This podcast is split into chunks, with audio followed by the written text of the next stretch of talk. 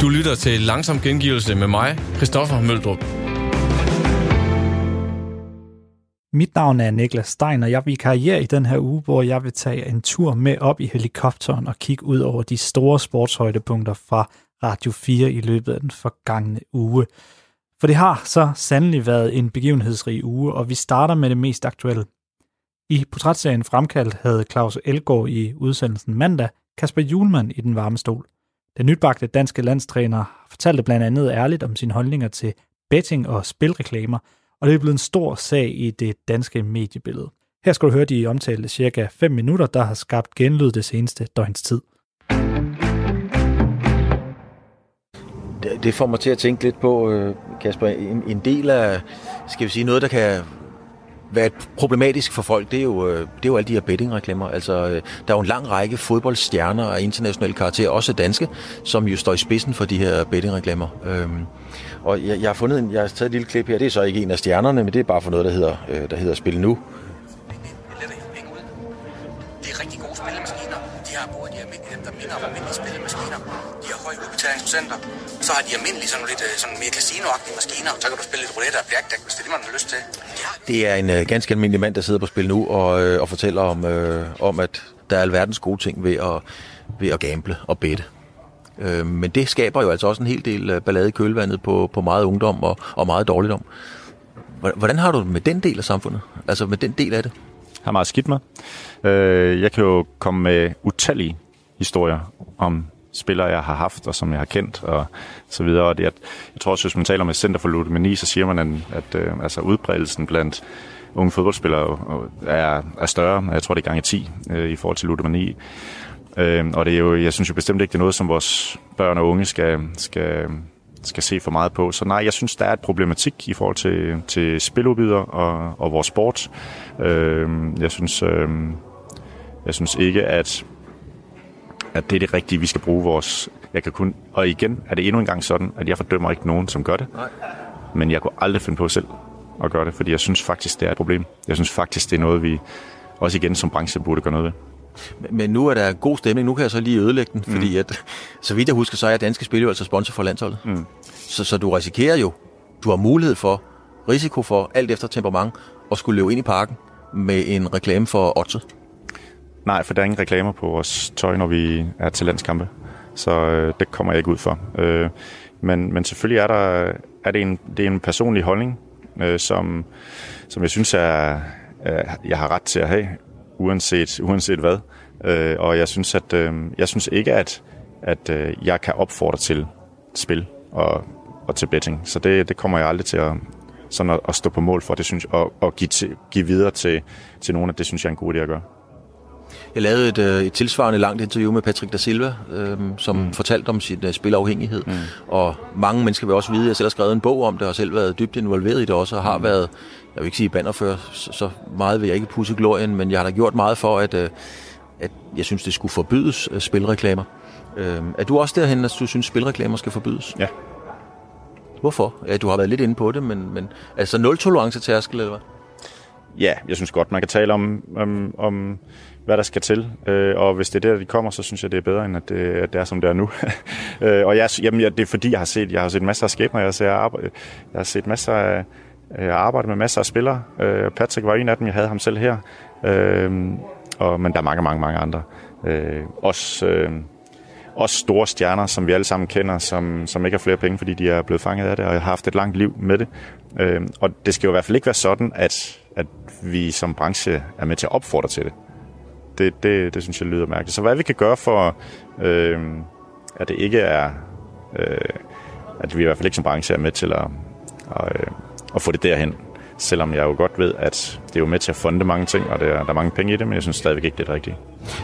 Når du, øh, når du siger sådan nogle ting, så ved du jo også godt, fordi at det er jo klart, på et eller andet tidspunkt hen ad linjen vil du blive konfronteret med det igen. Mm.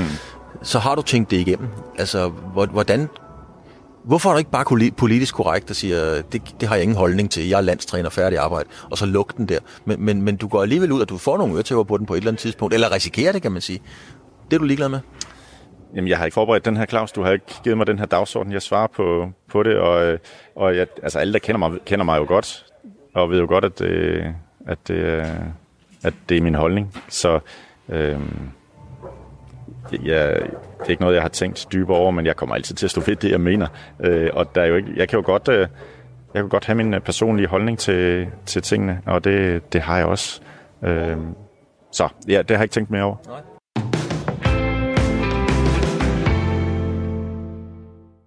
Det er Kasper Julmans holdning til betting og spil, der har skabt enorm opmærksomhed. Men jeg synes nu også, du skal tage at lytte til hele ugens fremkaldt. Claus Elgaard han spørger også Kasper Julman ind til den stadig aktuelle racisme-debat, hvilket også kalder mange interessante betragtninger frem. I øjeblikket der står den jo meget øh, på Black Lives Matter, og øh, mm.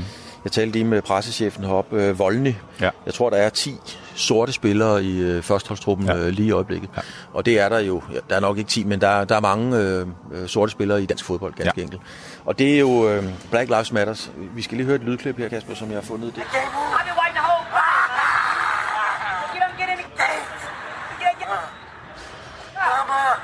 Det er jo et, øh, det er jo et forfærdeligt klip. Ja, altså, det, det, det, det, er helt, det er helt frygteligt bare at sidde og se det. Øhm, hvad er din holdning til, til det, der sker lige i øjeblikket? Altså, også inden for sporten omkring Black Lives Matter osv. Hele den tendens, der er i øjeblikket, hvordan har du det med, med den?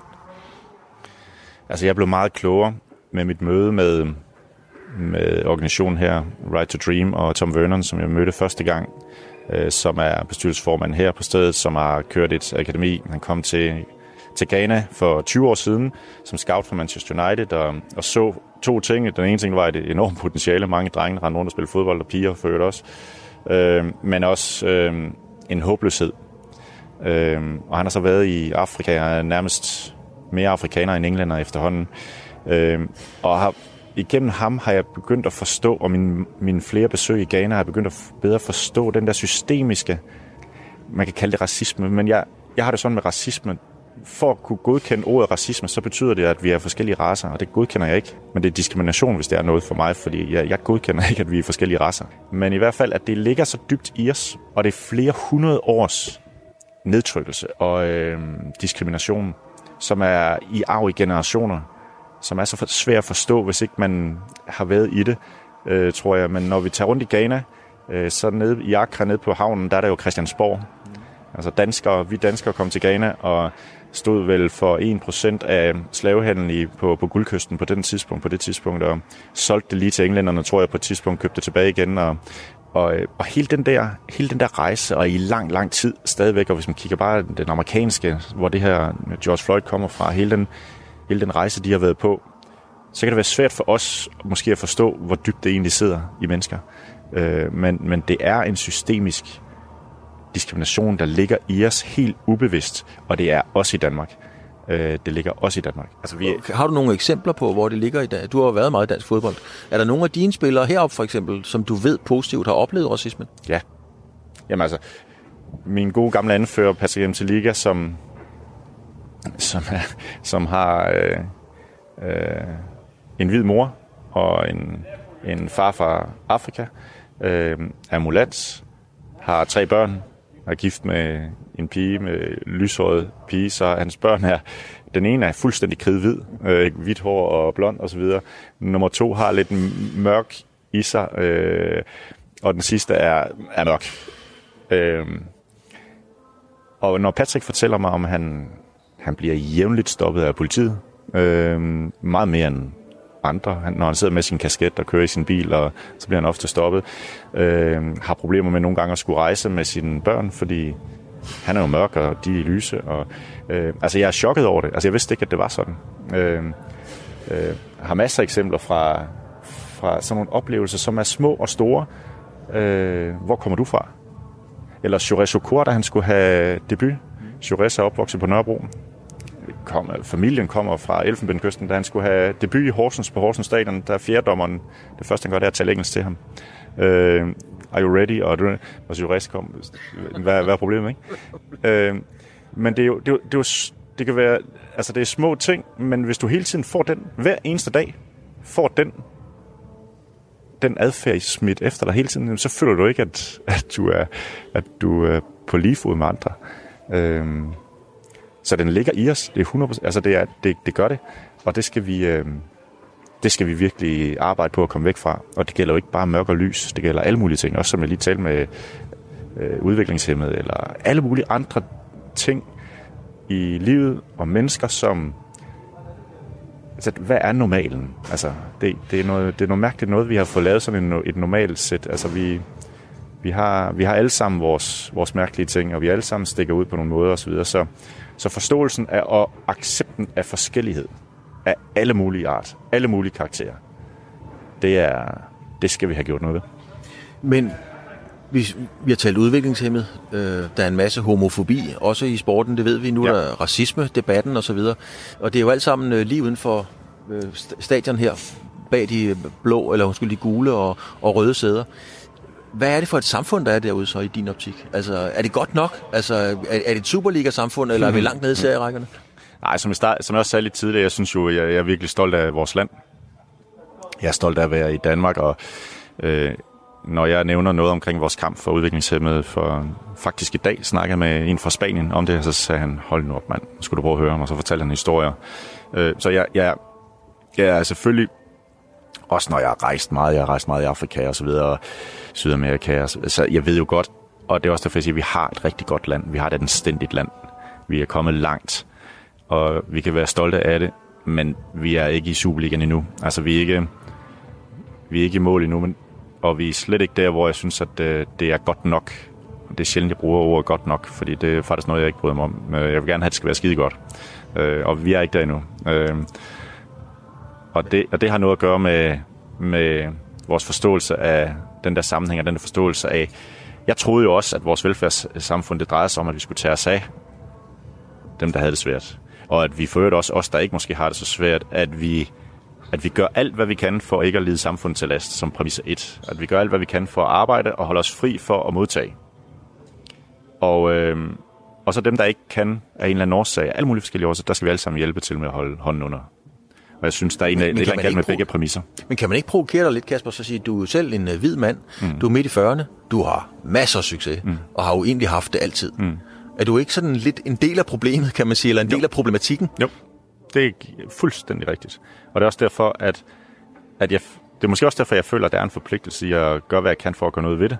Men jeg synes jo også, at det er også at walk the talk. Det er også at gøre noget ved det selv. Altså, hvad, jeg kan også godt lade være med at få succes, og så sige, men så er det ikke, øh, så er, det ikke, så er problemet løst. Øh, men det er jo ikke det. Jeg synes jo, man skal bruge sin, sin, øh, sin platform til at prøve at gøre noget ved det.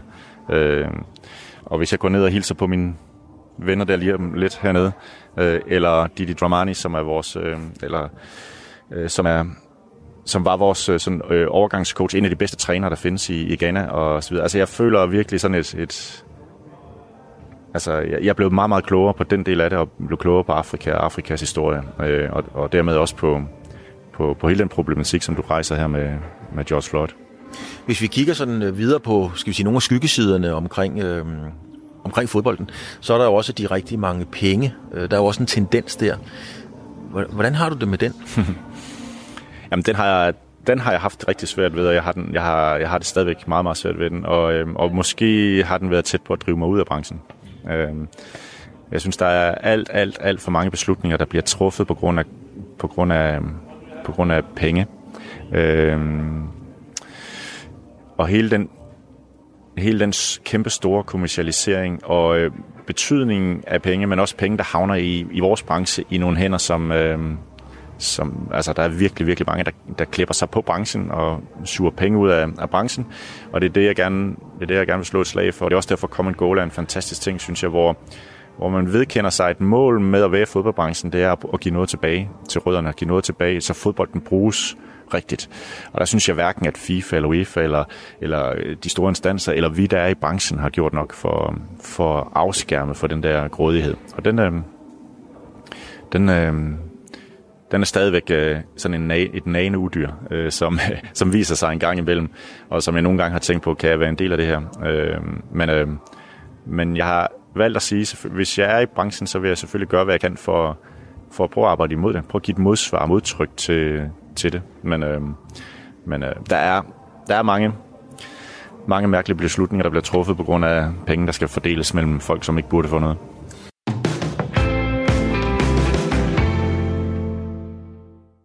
Og mere Kasper Julemand, for den danske landstræners interview med Claus Elgaard blev også vendt mandag aften i Radio 4's fodbolddebatprogram 4 på foden. Her havde vært Dan Grønbæk besøg af Vendsyssel FF's sportsdirektør Ole Nielsen og tidligere OB-spiller og tidligere OB-sportsdirektør Allan Gorte. Men vi kan lige sige, vi skal lige omkring vores nye landstræner, øh, Kasper Julemand, øh, i et interview med øh, programmet med, med Claus Elgaard, i programmet Fremkaldt her på kanalen, som bliver, bliver sendt, der bliver sendt i dag kl. 13, fordi det her det er jo det program, der bliver er optaget om formiddagen, men sendes kl. 17 her på, på kanalen der siger han blandt andet, at han mener, der bør være nul tolerance over for bettingreklamer. Man bør øh, simpelthen skrue ned, fordi vi kan ikke være det bekendt over for vores unge. Øh, dem skal vi passe på, dem skal vi skærme fra de her ting. Og så har han jo selv arbejdet sammen med spillere som Patrick da Silva, som har fortalt åbent om et øh, om, han, om ludomani, simpelthen om et spillebehov, øh, behov, der blev for stort til, at han kunne styre det. Er, øh, debatten har jo kørt allerede nu. Jeg kan se, på, når jeg kigger på de sociale medier, så er der rigtig mange, der er rigtig glade for en ærlig landstræner, øh, som går ud og melder ud og står ved sin mening og smod og de her mm. ting. Øh, vi har også omvendt også en sponsor ved DBU, som er Danske Spil, som øh, ovenikøbet kom det frem i morgenprogrammet i dag, har forlænget aftalen til næste år. Er det, er det god stil? Er det dejligt, at vi har så centrale personer? Jeg ved, jeg, man kan godt kalde landstræner for den vigtigste fodboldpersonlighed mm. i Danmark, kan man ikke det? I hvert fald en af dem. Ja. ja, ja. Jeg, jeg synes, det er, det er befriende, fordi det er jo det, vi, vi alle sammen går og, og tænker, og, øh, og, og selvfølgelig efterlader det også en masse dilemmaer, fordi vi har også øh, behov for i fodboldbranchen at, at blive støttet, og er det nogen, som, som har mange midler til det, jamen så er det jo bettingindustrien, og mm. jeg synes jo netop også, at danske spil, jeg synes, at altså, hvis man skulle vælge en partner i bettingindustrien, så er danske spil jo altså, den bedste partner, man kunne vælge, fordi deres økonomi bliver jo netop lidt tilbage til til øh, vores foreninger i Danmark, men det er stadig betting, og det er noget, der er forbundet med noget, noget, noget skidt, og måske noget afhængighed for, for, for nogle mennesker. Så jeg, jeg synes, det er befriende, men jeg kan også godt se, at der er nok nogen inde i DBU, som har reddet sig lidt i håret her til morgen, øh, fordi det er ikke så enkelt, som, som vi gør det til. Nej, og det er jo netop det, der er centralt også i det her, det er jo, at man har jo det her afhængighedsforhold i fodbold, også til forhold til dem, der betaler for festen, øh, når det hele ikke kan betales af kamp og øh, tv-penge, hvad jeg vil sige, det er ud. Øh, hvor tæt øh, øh, hænger, hænger betting og fodbold egentlig sammen? Også på det økonomiske. Og nu, øh, nu står du og tænker på den der måde, hvor, hvor du er jo inde i de her games her. Jamen, Allan har jo inde på, altså det, det, det, det hænger jo sammen. Altså det, de er jo med til at bidrage til til klubber, til landshold øh, med videre. Øh, så det er jo sådan, det er jo en svær størrelse, den her. Øh, og man kan jo sige, at Kaspers øh, har jo bare ytret hans holdning til tingene, hvordan han ser det, og det øh, øh står ham jo frit for et eller andet sted. At det så måske kan konflikte en lille smule med en, en af de større partnere i DBU, det, øh, det kunne man da godt forestille sig, at øh, øh, en, en partner ikke synes var så helt fantastisk, men, øh, men, men han er jo bare øh, ytrer sig om sin holdning til det. Mm. Men det handler også lidt om, om mod, og nu snakker jeg ikke om debut, nu snakker jeg om bare øh, alle øh, fodboldklubber i Danmark. Altså hvis man virkelig har nogle stærke værdier, og man virkelig synes, at det her det er enormt vigtigt, øh, det, det behøver det jo ikke at være for alle øh, klubberne, men hvis det er en klub, der virkelig har øh, det som en stærk værdi, at det her det er simpelthen ikke noget, som vi er med til at støtte, øhm, jamen, så må man også have mod til at træffe et valg. Og så er det jo det, øh, så sidder man sikkert i en bestyrelse, øh, og så sidder og diskuterer, har vi råd til at træffe det valg? Mm. Og nogle gange kan det også godt være, at, at det valg faktisk vil aflede, vil give nogle positive afledte virkninger, øh, i og med, at man måske vil tiltrække nogle andre. Men det kræver, at man først har mod til at springe ud, hvor man ikke lige ved, om man kan bunde. Mm. Ja, og det er jo det interessante her, fordi det, det, det er jo det her afhængighedsforhold, der også er. Vi, det ved alle, der har siddet og set en fodboldkamp. Vi kan jo se, hvor tæt tingene er knyttet sammen. Det ene øjeblik står eksperten og, og kloger sig på kampen. Næste øjeblik så fortæller han dig, hvilke odds du skal spille på i en reklame, der kommer lige op af, og man kan dårligt nu adskille det ud over farverne af nogle andre. Altså, kommer vi nogensinde til at se et brud med de her ting? Altså, fordi man, man kan jo også komme ind på, at betting bare er så central en del af mm. fodbolden mm. i sig selv, også af interesseskabelsen, af økonomien ikke mindst. Altså, øh, hvor, hvor farligt er det som klub fordi man kan, alle har jo værdier, ja. der passer til, at man, mm. vi skal sørge for, at de her ting ikke øh, fanger unge mennesker. Altså, jeg tror, der kommer til at være nogle klubber, som, som træffer et, et, et valg på et tidspunkt og siger, okay, det her er ikke noget, som hænger sammen med vores klubs øh, værdier. Øhm, og så må vi så se, om hvad det har af negative eller positive konsekvenser. Mm. Er det et problem, Ole, med alle de her spilreklamer i fodbolden? Du har simpelthen oh, haft med så mange fodboldspillere at gøre efterhånden. Jamen, og man kan bare ikke generalisere på det, for jeg, jeg hører jo også om, om nogen, som har forskellige tipsklubber, der har kørt i 20 og 30 år, der hygger sig med det her. Mm. Altså, det, mm. det, øh, vi skal jo ikke bare generalisere og så sige, at det er alle, der, der, der går ned og spiller for 100 eller 200, at, at de bliver ludomaner. Altså, sådan er det jo heller ikke. Altså, det, der er også nogen, der, der, der virkelig hygger sig med at have en onsdag aften med Champions League og med, med god mad mm. og en tipskupon. Øh, altså, det, det, det er bare svært, det her, synes jeg. Det, øh, vi kan ikke generalisere tingene, og det, øh, det er også svært som, som både klub øh, eller en union at skal tage stilling til, øh, skal vi ikke øh, også vise, at, at, at det er muligt at spille på, hvad skal man sige, ordnede forhold. Øh, mm. Så det, det her det er bare en, det er en, det er en svær debat og en svær størrelse.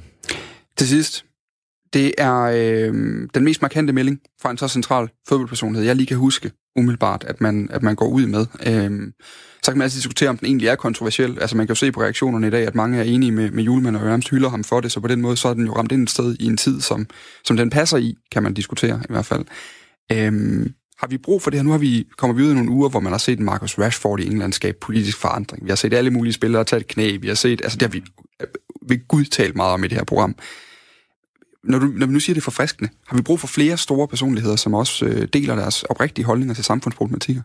Altså, autenticitet går nok aldrig af mode, selvom det er blevet sådan et, et kliché-begreb, men øh, altså... Altså, jeg, jeg tror, du, jeg, jeg, det var mens, mens du selv var sportsdirektør. Ja. I har haft nogle ekstremt sympatiske trænere i OB under dig som faktisk kunne gå ud og mene en masse gode ting om, om samfundet, og også mene om samfundsforandringer. Jamen, jeg tror generelt, som leder, at øh, udviser du en form for sårbarhed, så udviser du også en ekstrem stor styrke. Øh, og, øh, og så giver det nogle gange nogle... Øh, altså, det, det, der er så forbandet i den her verden, at der er så mange øh, interessenter forbundet med, med det her, så det er meget lettere at stå og, og sige de her ting, når man ikke sidder inde i, uh, i uh, Elfenbenshuset mm, eller ja, tårnet. ja. Og uh, fordi det, det er bare, der er så mange interessenter forbundet med det. Så derfor er det også stærkt, at Kasper han, han tør have den her holdning. Har vi brug for flere som Kasper, Ole? Eller, eller skal fodboldindustrien også have lov til at passe sig selv og de økonomiske strømme, der bærer rundt? Om ytringsfriheden, ytringsfriheden er der jo, så, så alle har jo lov til at komme med øh, den holdning, de, øh, de har lyst til, og det... Øh, jeg synes, det er jo ganske fint, at når en landstræner har en øh, holdning og en mening til nogle ting, at han også ytrer sig omkring det, men uh, det, det, og det gør der absolut ingenting, at der er nogen, der, der kommer frem med, med de budskaber, de har. Men selvfølgelig har man, kræver det også, at man er lojal over for sin arbejdsgiver. Ja, det, det, der er jo den nemlig dobbeltside, så øh, ja. det er klart, at øh, vi kan jo heller ikke have øh, en af de væsentligste øh, aktører i en klub, at han øh, ytrer sig om alt muligt, som måske kan skade klubben i en eller anden form. Mm. Men kunne man gøre mere for klubberne, for eksempel for at sætte folk fri til at sige nogle ting, og til at mene noget om samfundspolitik? Det tror jeg faktisk godt, man kan. Altså, jeg, jeg tror, at øh, at det er okay at, at, at mene noget, og hvis man har noget på hjerte, og det er i hvert fald en af de ting, som vi også i sin tid i OB synes var fedt, hvis, hvis vores spillere faktisk havde en holdning til noget, øh, som ikke gik imod vores partner.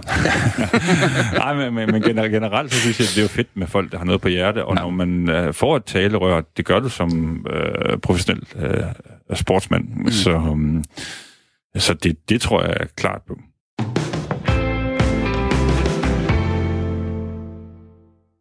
videre til tennissporten, der også har været i vælten. Verdensætteren i tennis, Novak Djokovic, har havnet et gevaldigt stormvær, efter at han har taget meget let på hele coronasituationen.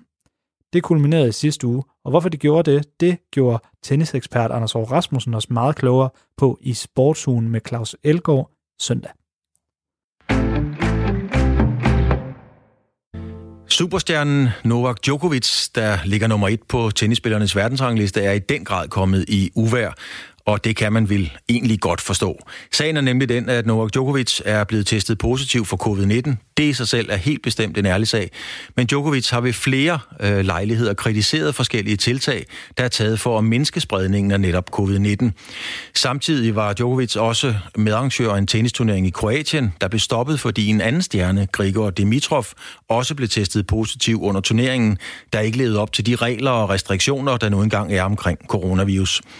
Og nu er der også kommet videobilleder af Novak Djokovic i bar overkrop på en natklub i meget tæt selskab med andre gæster. Anders Hård, du er tennisekspert og tenniskommentator på Eurosport.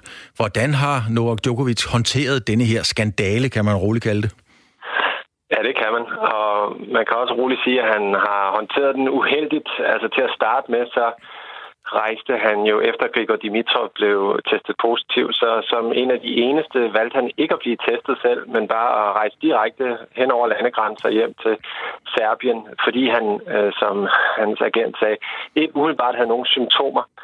Øh, Derefter viste det sig så, at han var positiv, og hans kone var positiv, og hans fysioterapeut var positiv. Øh, så han har ligesom lavet hund om en masse af de her øh, sikkerhedsforanstaltninger. Og så var hans undskyldning måske også sådan lige til at begynde med sådan lidt øh, halvklædet, lidt fesen, men han er, han er kommet efter det. Han, han, har, han, han har lagt sig fladt ned nu, og virkelig øh, erkendt, at det var en stor fejl, og at den skulle ikke have fundet sted, den her turnering. Så han er, han er ved at komme efter det, men han er, der, det har taget sin tid, og han har virkelig skulle kritiseres hårdt og længe, før der skete noget. Men hvad er der sket med ham? Fordi jeg synes ofte, når man ser ham i interview, så er han meget sportslig roser, hvis han har tabt. Øh, han optræder afdæmpet, i hvert fald i mange af de klip, jeg har set. Og så lige pludselig det her, er han blevet ramt af storhedsvandvid, eller hvad sker der med ham? Nej, altså jeg tror, man skal, man skal huske på sådan en... Novak Djokovic, han har jo simpelthen gjort, hvad ingen mennesker før ham nærmest har gjort. Altså de bedrifter, han har... Øh, han har haft i tennis i de seneste 10 år, har han været den bedste overhovedet i en tid, hvor to legender som Nadal og Federer også har været der. Og han, altså, han har sådan nogle evner til at finde sine helt egne veje. Altså, vi har hørt historien om, hvordan han opdagede, at han var glutenallergiker ved at en eller anden guru lagde et stykke franskbrød på hans øh, arm. Og altså, han, øh, han har mentale tricks. Ikke? Han øh, hyrede en krammeguru. Han begyndte ligesom at, at, at bilde sig selv ind, at når tilskuerne råbte på Federer, så råbte de i virkeligheden på Djokovic. Altså, han, han tvister virkeligheden sådan, så at øh, han kan at han kan præstere bedre i den. Ikke? Og han, han lader ligesom alt konventionel øh, visdom, det parkerer han bare ud til højre, og så finder han sin egen vej. Og det er jo det øh, unikke øh, idrætsstjerner, legender, det er det, de gør. Ikke? Og når at de så nogle gange sådan, tager det lidt for langt. Altså, han har jo også siddet i interviews og forklaret, hvordan med positiv tænkning, så kan man rense forgiftet vand. Og, altså, han er øh, lidt ude på et over. Han, han, no, på en måde kan man sige, at han repræsenterer sådan et synspunkt, der, der anser altså sådan konventionel videnskab for, for en, en holdning, for en mening blandt andre meninger. Han har altså tit en anden mening. Altså, og det, der så nok også er sket her med coronavirus, det er, at han har ligesom måske følt sig lidt øh, hævet over den, øh, den, øh, den udbredte enighed, der har været omkring, hvordan man skulle håndtere det. Og det, der har det så altså vist sig, at øh, når man tager positiv psykolog og psykologi og alternative videnskaber, så sætter det i kamp med en pandemi, så, så vinder pandemien åbenbart. Ja. Men hvad skal man tænke om det? Ja, det er jo klart, at når man håndterer øh, coronavirus covid-19 på den måde, som Djokovic gør, så øh, er der ikke så meget til overs for det. Men at han tænker positivt i forhold til, når de hæpper på Federer, så, så vender han det om, at det, det er til på ham. Er det en gave, eller er det et kors? Ja, det, er en total, det har været en total gave for ham, ikke? Og så har vi andre, vi har kunnet sådan, måske bare ryste lidt på hovedet, når han, når han snakkede om, hvad, hvad man ellers kunne gøre med, med forrådnet mad og forgiftet vand, og hvad man kunne gøre med tanker. Altså, fordi der er jo noget ved det, at det virker i nogle sammenhæng, ikke? Altså, øh, sådan, nogle gange så er det jo øh, enormt meningsfuldt at gå andre veje, og at tænke på, hvad, hvad kan kroppen i virkeligheden hele sig selv? Ja, det kan den i en høj grad, eller sådan. men der er også nogle situationer, hvor at de her sådan, øh, mere alternative øh, sundhedstilgange, at de, altså, at de ligesom kommer til kort, og det har de jo så helt klart gjort her. Så det er egentlig ikke for at tage noget af, hans evner øh, i karrieren, og hvor han ellers har haft held med at, at gøre tingene på sin egen måde, men, men han, har været, han har levet i en boble. Altså, det, det er utroligt, at der ikke er nogen i hans altså hvad kan vi kalde det, hans hold, altså hans agenter, rådgiver, alle dem, der er omkring ham, er der ikke nogen, der har sagt, wow, wow, wow, altså måske skal vi ikke bare, du ved, feste topløse og spille sådan uh, basket med hinanden uh, uden trøjer på, og måske skal vi ikke stå sammen med 50 boldbørn, og altså sådan, måske sender vi nogle uheldige signaler rundt til omverdenen. Altså jeg, jeg synes, det er meget sigende, hvor isoleret øh, nogle af de her altså, sådan kæmpe sportsstjerner, som Djokovic, han, han lever. Altså man har følelsen af, at han simpelthen har levet i en boble. Men også det, Anders, når, når han netop får lov til at plads til at leve i en boble. Det er klart, at manden har en stor stjerne og en stor stemme på banen, men jo også udenfor. Altså, hvordan er stemningen i tennismiljøet i de her pressede dage? Ja, altså, den er super kaotisk. Altså, det er ligesom alle skyder på alle. Ikke? Øh, Djokovic far var hurtigt ude og sige, det her det er Dimitrovs skyld. Det er ham, der kom med virusen og gav den til os alle sammen.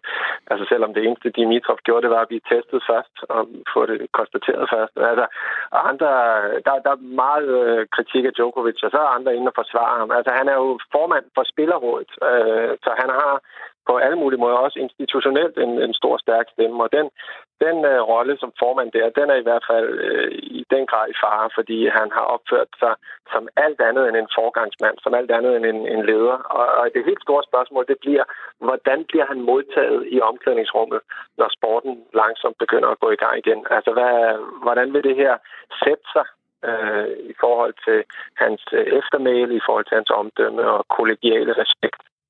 Men hvordan er der så, altså, hvorfor sker det her lige for tennis? Fordi tennis har jo i mangens opfattelse den her, det her ry for at være den pæne sport, orden på tingene, det er gentleman på og uden for banen. En sport, hvor der er styring over det. Altså, hvad sker der lige nu?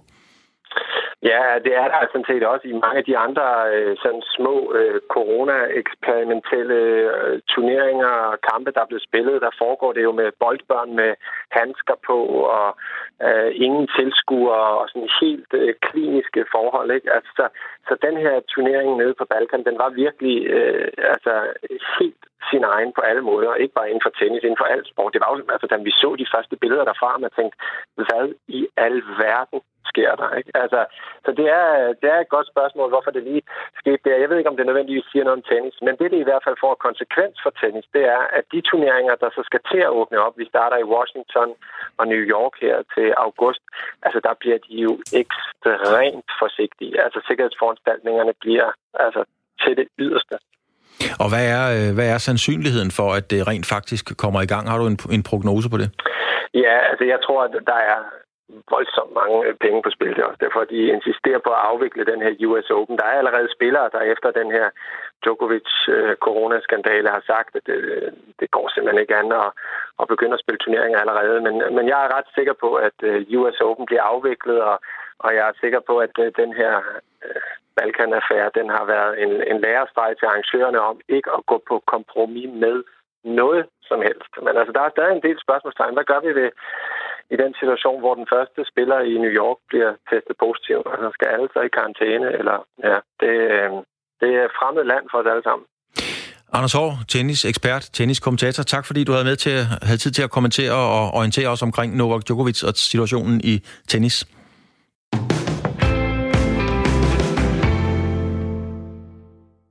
Vi tager lige en omgang mere med sportsugen, for i den forgangne uge oplevede tilhængerne af den store engelske fodboldklub Liverpool endelig, hvordan det føles at vinde et Premier League-mesterskab for første gang i 30 år. Det kommer under kærlig behandling af Lykke Friis, der fortæller om Liverpools tyske kulttræner Jürgen Klopp og liverpool kfv Jan Mølby, der selv spillede i klubben, da de senest vandt mesterskabet for 30 år siden. It's for you out there. It's for you. It's uh, incredible. I hope you stay at home or and go in front of your house if you want, but not do no more and um, celebrate it. It's it's all here and it's all here. We, we do it together in this moment, and um, it's a joy to do it for you. I can tell you. I can tell you, og jeg kan også fortælle jer, at det var en meget berørt øh, Jørgen Klopp, der her sagde til Sky Sports, at øh, det her gjorde de for fansene, altså blev engelske mestre, og han opfordrede samtidig, at man blev, øh, hvis man gik udenfor, så skulle man blive lige ude foran husdøren for at fejre mesterskabet, altså alt sammen i lyset af corona. Og det var selvfølgelig lige efter Liverpool for første gang i 30 år vandt det engelske fodboldmesterskab. En af arkitekterne bag sejren, ja det var uden tvivl, som vi hørte her, træner Jørgen Klopp, der har taget Liverpool og store dele af fodboldverdenen med storm Jørgen Klopp op er tysker. Lykke Friis, du er direktør for Tænketanken Europa. Du har en Ph.D. i statskundskab, øh, og hvis vi skal fortælle alt det, du har gjort, så vil det tage meget, meget lang tid. Og så har du beskæftiget dig med europæiske forhold på et øverste niveau i mange, mange år. Lykke Friis, en tysker, der bliver engelsk mester med Liverpool. Hvad betyder det for, skal vi sige, den almindelige mand på gaden i Englands syn på tysker? Jamen, det tror jeg øh, har en ret stor betydning. Man kan jo allerede også bare se på den mediedækning, der er, som i høj grad også går på, at det er en, en tysker, som jo så øh, kan præsentere sit land på en anden måde, end øh, mange britter jo har været vant til. Altså, der er jo stadigvæk sådan, at der er noget øh, halvøj på badehotellet og don't mention the war, og man lander ofte ved anden verdenskrig, når tyskere diskuterer med, med britter. Og, og det er Jørgen Klopp jo mere for, med til at forandre, ligesom man jo også allerede så Jørgen Klinsmann, der havde stor succes jo i Tottenham Hotspur som spiller, også var med til at forandre det. Så det rykker simpelthen det hele, det, øh, det tyske, tyske-britiske forhold. Men hvad, hvad er det, han gør, Lykke Friis? Altså, fordi han kan jo noget magisk, den mand, ikke bare som træner, men også uden for banen. Jamen, han spillede jo også allerede en kolossal rolle i, i Tyskland, kan man så sige, da han var træner både for, for Mainz og for Dortmund. Og jeg tror, hans karismatiske fasong, men især også den her meget afvæbnende fasong og ikke særlig prætentiøse fasong, er gået rent ind, ikke kun i Tyskland, men i høj grad også i, i Storbritannien. Og der, det er han, den måde, han også har solgt sig selv som værende the normal one, og det synes jeg også, man kan høre på alle de her udtalelser, han kommer med. Altså, han er jo ekstremt ydmyg og sørger hele tiden for os at tale om vigtigheden af at huske alle dem, der har kæmpet for det her mesterskab før i tiden, tager ikke bare æren for det. This, this is for you, som man jo så siger. Og så især minder han jo også om, at vi stadig har en, ikke mindst i Storbritannien, en stor sundhedskrise. Og der skal man jo have med, at, at Klopp er jo også en type, der går ud og blander sig i samfundsdebatten. Han har været ude og diskutere Brexit. Det var så ikke alle, der opgejstede for det i Storbritannien, hvor han altså synes, at Brexit, det gik han ikke ind for. Øh, og så har han jo været aktiv under coronakrisen, hvor han jo klart har sagt til britterne, at, øh, jamen, at de burde til at valgt en anden kurs, og i højere grad den her mere tyske kurs, hvor man jo gik, gik mere radikalt til værks og lukkede ned. Og det synes jeg er meget interessant. Det er også fedt at referere til nu portrætterne af Jørgen Klopp, at han på den måde så også er med til at, at måske at trække noget af den her mere sådan uh, ordne mosaien, og, og, men altså også mere nærmest videnskabsbaseret tilgang, blandt andet til coronakrisen, så også tilbage til Storbritannien. Du gjorde mig selv opmærksom på, da vi aftalte, at øh, du skulle være med her, øh, Lykke. Du gjorde selv opmærksom på, at han havde et tysk flag i kasketten, da han bliver øh, interviewet. Er det tilfældigt, eller er Klopp meget bevidst om, hvordan han øh, fremtoner? Jamen, han er meget bevidst om det, øh, og han har også her i dag jo så givet i interviews i, tysk presse, øh, som jeg så har, har læst naturligvis med stor interesse, hvor han faktisk også kommer ind på den her kasket. Øh, og der siger han jo så meget klart, jamen jeg er, er, elsker Liverpool, jeg bor i Storbritannien, men jeg er tysker, og han er stolt af at være tysker, og det er der, hvor han er opvokset. Øh, så, så derfor gem, det er jo ikke noget, han putter med, øh, og det tror jeg også er vigtigt for på den måde. Så altså, man kan godt være begge dele. Man kan både være, være tysker øh, og, og, og Liverpool-træner, man kan være europæer osv. i en stor øh, sammenblanding. behøver ikke at, ja, at, at glemme den del af sin identitet. Det er klart, at tyskerne fokuserer på noget lidt andet med den der kasket, øh, og der bliver han jo så spurgt af tysk presse om, når betyder det så, at du har ambitioner om snart at komme hjem og afløse Joachim Löw øh, som landsholdstræner, og det afviser han naturligvis. Men det er klart, det er jo det, der er den store spekulation, kan man sige, i Tyskland. Det er, at han var den sidste, der formåede at, at vinde Bundesligaen, som ikke var træner for Bayern München. Det var, når han var for Dortmund, og det må så være otte sæsoner siden. Øh, og hvornår kommer han tilbage? Og der taler man jo om, Gav nærmest kun to muligheder. Enten jo så, han skal træne Bayern München, eller, hvad nok er mere sandsynligt, han skal blive tysk landsholdstræner. Lykke Friis, øh, det er jo tydeligt for enhver, øh, kan høre, at, at du interesserer dig rigtig meget for fodbold, og rent faktisk ved rigtig meget om fodbold. Du ved også rigtig meget om politik og Europa. Altså, er, er der nogen fortilfælde med en karakter som Klopp? Øh, er der andre, der, der, der ligesom har ageret på samme måde, som han gør? Nej, altså, jeg synes, det synes, den eneste, jeg vil komme i tanke om, øh, som, som for alvor også har rykket ved det tysk-britiske forhold, det er altså Jørgen Klinsmann, og han gjorde altså også ekstremt meget. Han var den her Sonny Boy, da han kom til, til, øh, til Tottenham, og, og der var der altså sådan, og så også forskellige sådan, gennemgange af, hvad, hvad, hvad, hvad, var det for nogle tyskere, som, som britter kendte, jamen så kom han pludselig meget højt op på listen, hvor det også normalt var, jeg undskylder Adolf Hitler, der tronede på den liste. Så han har været med til at rykke ved det forholdet også. Men ellers kan jeg faktisk ikke komme på nogen, der i den grad så også er gået hen og blevet en, ja, altså en, en figur også, altså som træner i, øh, i, øh, på europæisk og global plan, øh, som jo så både præger spillet, men som så også er med til at løfte de her forskellige samfundsdebatter. Det synes jeg sådan set gør ham til en meget speciel øh, karakter. Hvis man kigger på Klopp og Liverpool som, øh, som team og som, øh, som logo, brand, er de så mere værd for forhold og forståelse mellem for eksempel England og Tyskland end mange kampagner?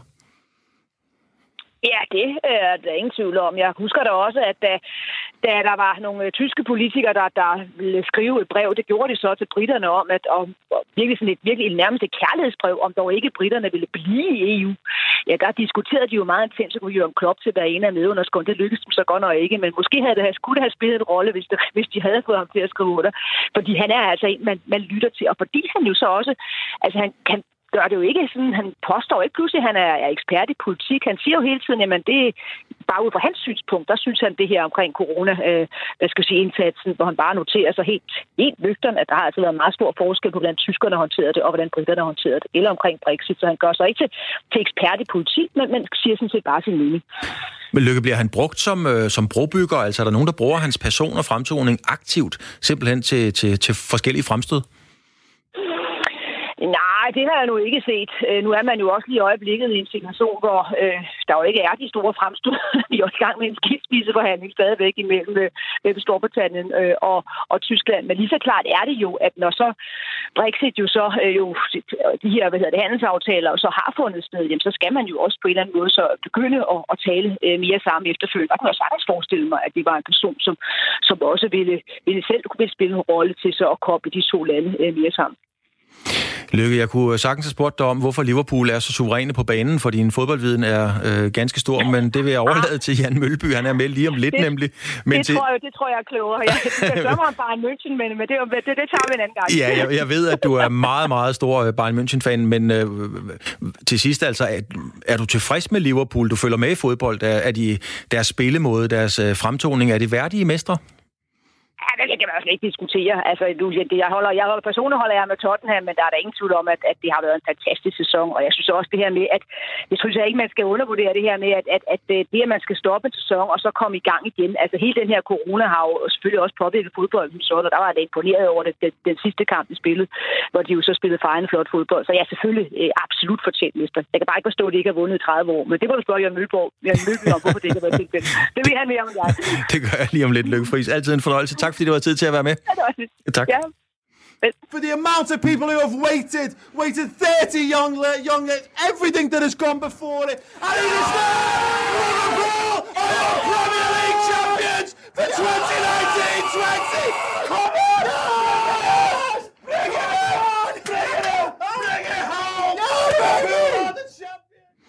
Sådan her lød det på Redman TV, da Liverpool blev engelske mestre, og glæden den var ubeskrivelig.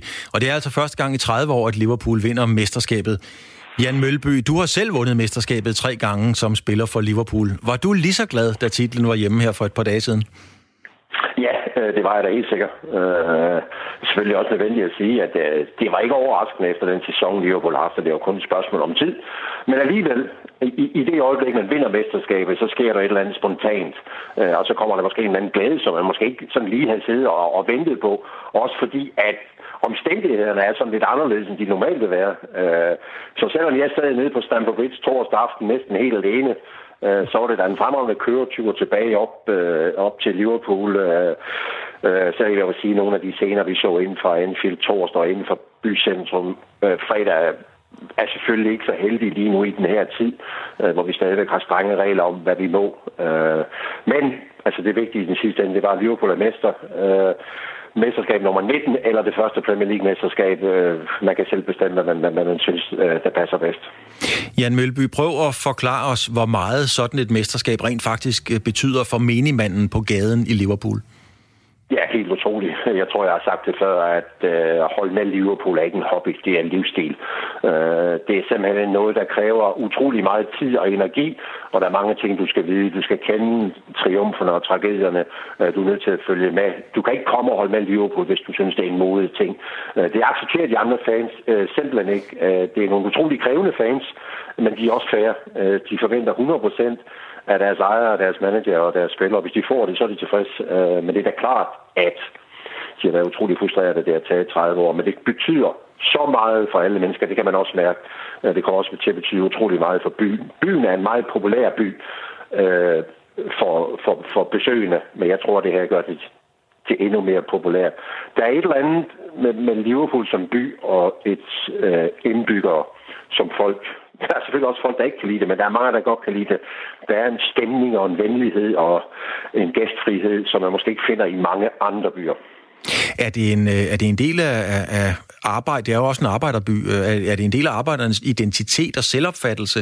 Betyder det noget for deres selvværd, at man har et, et Liverpool-hold, der er mestre? Ja, det kan du tro. Uh, altså, hvis man går tilbage i, da, da det sådan set starter i 60'erne og 70'erne, har byen jo ikke meget andet end deres musik. Altså deres underholdning, underholdningsbranche, deres musik uh, og, og, og deres sport, så det betyder utrolig meget. Men jeg tror også, det betyder utrolig meget, at Bill Shankly kom til og pegede på tilskuerne og sagde, ved du hvad, det er jeres klub, jeg, det er jeg, vi spiller for. Og det er ligesom om, at Liverpool-fans altid har holdt fast i, at vi er en kæmpe del af det her, der sker i Liverpool. Vi er ikke kun fans, vi er, vi er, næsten, vi er næsten med til at træffe beslutninger. Det har de også været kommet af med nogle af ejerne, de ikke var tilfredse med. De har også været bag managerskift, hvis de ikke var tilfredse med den måde, man spillede på. Så de ser sig selv øh, have en kæmpe rolle, men de forstår også deres rolle. Øh, og det er det, jeg tror, så mange rundt omkring i verden godt kan lide den måde, at Liverpool-fans forstår deres rolle. Øh, det her med, at man holder med når man er til kamp, så holder man med.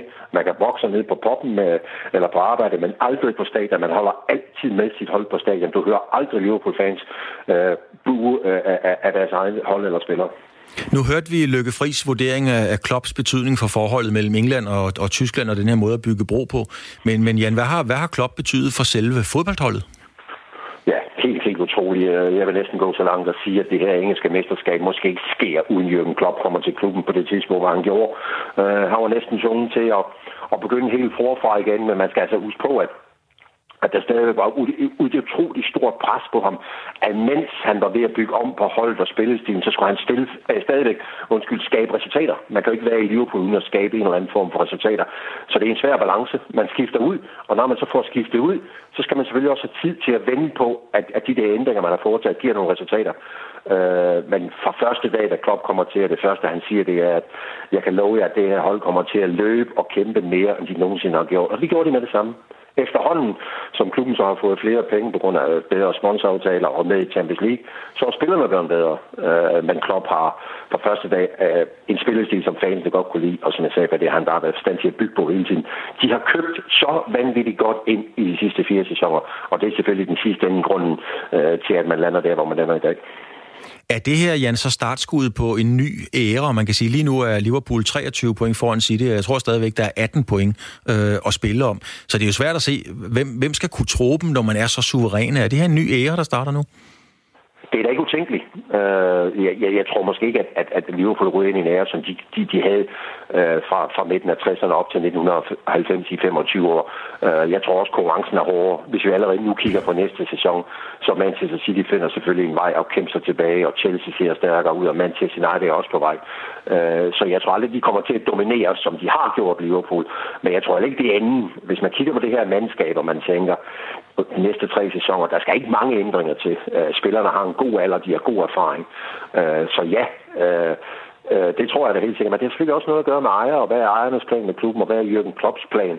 Øh, vi har jo set ham i de her syvårscirkler i, i Tyskland med Mainz og Dortmund, øh, selvom han lige har skrevet under en forlængelse af sin kontrakt til 2024, der vil så gøre, at han er i Liverpool i ni år. Om det holder, øh, det ved jeg ikke. Men jeg synes bare, at det man, bygger, det, det, man har bygget op lige nu, det er så holdbart at jeg vil gå så langt og sige, at selvom fem år er Liverpool med på det niveau, hvor vi, expecter, at vi forventer det nu, altså helt i toppen af Premier League, og også med i det, vi kalder knockout-faserne i Champions League. Liverpool er virkelig lige nu en af de bedst fungerende fodboldklubber i hele Europa.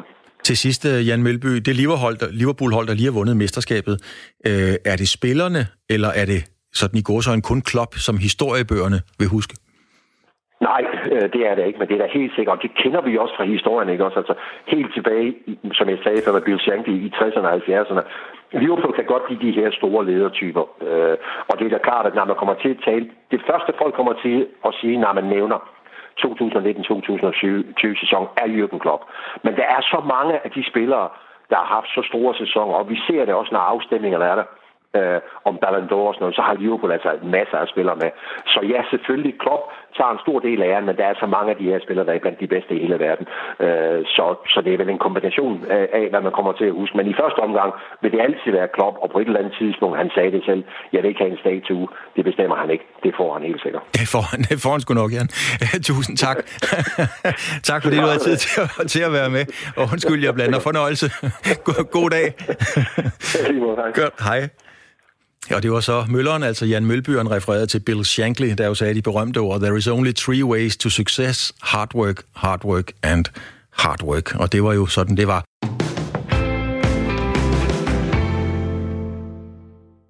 Slutligt, der skal det handle om bowling.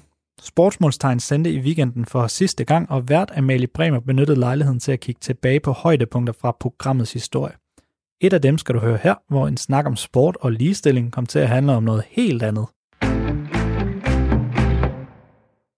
Dagens første genbesøg, det er faktisk fra vores allerførste program her på Sportsmålstegn. Personligt, der havde jeg en øh, bævende stemme, da vi startede. Det var mit, øh, min debut som radiovært, øh, men med det her emne, så kom vi godt i gang. Og det er faktisk noget af det, som vores øh, lyttere har haft allermest øh, sådan, grinerne over igennem tiden, når jeg har fået feedback på programmet. Og det, som, øh, som folk virkelig har bidt mærke i, det skal handle om bowling. Og mere specifikt om, øh, hvorfor mænd og kvinder ikke konkurrerer på lige vilkår og i samme divisioner, eller hvad man kan sige, i bowling. Øh, da det måske ikke er sådan den tungeste sport rent fysisk. Øh, Simon, kan du huske, da vi snakkede om bowling?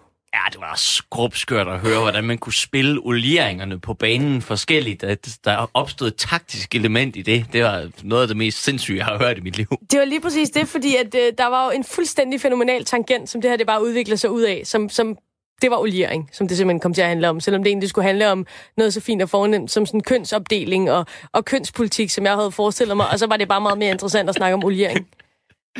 Ja, det siger måske også mere om os, end det gør om sport.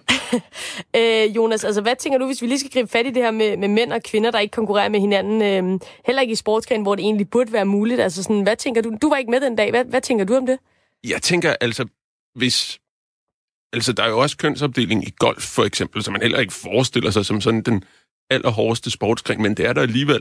Altså, som hvis... Det er jo ikke utænkeligt, tror jeg, ud fra øh, frit fra leveren lige nu. Men så tænker jeg, at det er ikke utænkeligt, at mænd alligevel kan sætte en anden form for skru og med, med mere kraft i, øh, i tungere bowlingkugler. Jamen, altså, du har, du har faktisk fat i noget af det rigtige. Lad os uh, høre, hvordan det lød, da vi uh, snakkede om bowling i program 1 af Sportsmålstegn. Jeg tænker, vi skal snakke med en af dem, som uh, mestrer den her sport. Og det er Jesper Agerbo, som er syvdobbelt europamester og regerende verdensmester i bowling. Øh, og ham har vi simpelthen øh, med på en øh, telefon. Hej Jesper. Hej. Tak fordi du vil være med først og fremmest. Ja, det var da så let.